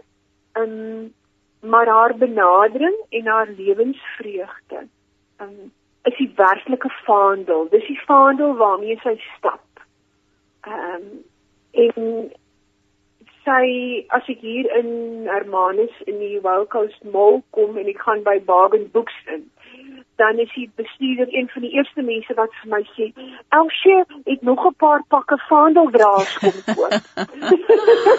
oh, pragtig. en dit dis altyd vir my so lekker want dan voel dit vir my asof waarnemenslustigheid nog in die winkel rondhang. Ag, lieflik. Wendy, joh, hierdie reeks, waar kan ehm um, luisteraars wat nou na jou luister en hoor oor en gesels oor die oor hierdie heldinne, waar kan hulle die boeke in die hande kry behalwe in Bagen Books in die Hermanus? Ehm um, die boeke is by enige goeie boekwinkel. Ehm um, as hulle nie daar is nie, uh vra dat dit vir jou bestel word. Dit is uh op die uitgewer se katalogus. Dit is ook beskikbaar as storage Ehm um, en dis ook beskikbaar in 'n geskenkpak, soos hulle in Engels sê 'n box set. Ehm um, ek kry terugvoering ook dat vroue dit vir mekaar gee as geskenke um voor 'n operasie of hmm. wanneer iemand deur 'n moeilike tyd gaan um uh vir bemoediging. Um jy kan ook na my webtuiste toe gaan Wendy Martins M A A R T E N S.co.za. Um die skakels na die aanlyn winkels soos uh loot uh graffiti lapa se uh aanlyn winkel. Hulle is almal ook op my webtuiste. So mense um, jy sal daar gehoor kan net gaan kyk en ek wil net dan byvoeg dit word natuurlik uitgegee deur lapa. Ek gesels met Wendy Martins en ons het gepraat oor 'n stel van 4 boeke vaandeldraers vrouehelde van Suid-Afrika. Wendy, ek kan nie nalat om nou vir jou te vra om vir ons dalk 'n boodskap aan vroue reg oor die land te gee wat vandag saam Vrouedag vier nie. Christine, dankie. Ek het die afgelope ruk intens bewus van die feit dat die Here my om 'n rede 'n vrou gemaak het. En dat ek vanuit 'n plek van omgee en koester 'n verskil mag maak um, of 'n mens nou Everest klim so Sarah Komalo of 'n mens 'n graad 1 klasie behartig of 'n mens 'n mamma is met 'n kleuter by die huis wat jou hele dag opeis um, of 'n mens 'n verslag oor staatskaping skrywe. Um, ek dink dis tyd dat ons besef ons kan terugleun in die genade van ons Vader se koesterende hand. En hy ken ons immers beter as onsself. Ons hoef nie alles te probeer beheer nie. Ehm um, hy laat alles uitwerk soos dit moet. Ons kan nie leiersels in sy hand sit. Dis wat ek op die tafels van my hart elke oggend probeer skrywe en um, ek gee dit vanuit daai plek aan. Hm. Pragtig. Dankie Wendy en dankie vir jou tyd vandag en dat ons met jou kon gesels sit en jo, baie seën en baie liefde vir jou. Nogmals dankie. Dankie Christine en dankie vir die gesprek en seën, seën vir die vroue dag. OK. Ons het aan die einde gekom van hierdie spesiale uitsending vandag op Vrouedag en ek sluit vir ons af met 'n gebed geskryf deur Elizabeth George en dit lees as volg: Here, ek lê vandag my bekommernisse, my hartseer, my teleurstellings en my mislukkings voor U neer. Ek sit my werklading wat soos 'n berg voor my lê voor U neer. Ek kyk op na U vir 'n deel van U krag vir vandag en ek vra vir vreugde. Ek verbly my in U Here in my verhouding met U Abba Vader. Ek bied myself vir U aan en neem my voor om deur U genade my gedagtes van hooploosheid en hulpeloosheid en paniek eenkant toe te skuif en dit te vervang met 'n onwankelbare geloof en vertroue in U teenwoordigheid en U krag. En wanneer ek nou opstaan om die take voor my aan te pak, sê ek vir U dankie omdat ek onthou my hulp kom van die Here. Amen. Seën, liewe luisteraar, vir jou vir Vrouedag en ons eer jou, elke vrou in hierdie land en ons ons ons loof en prys die Here vir vir die werk wat vroue doen en en die berge wat hulle versit en mag die Here jou seën, mag jy 'n wonderlike dag hê saam met jou mense en ja, sommer net groot liefde en seën van my kant af. Tot volgende week dan. Totsiens.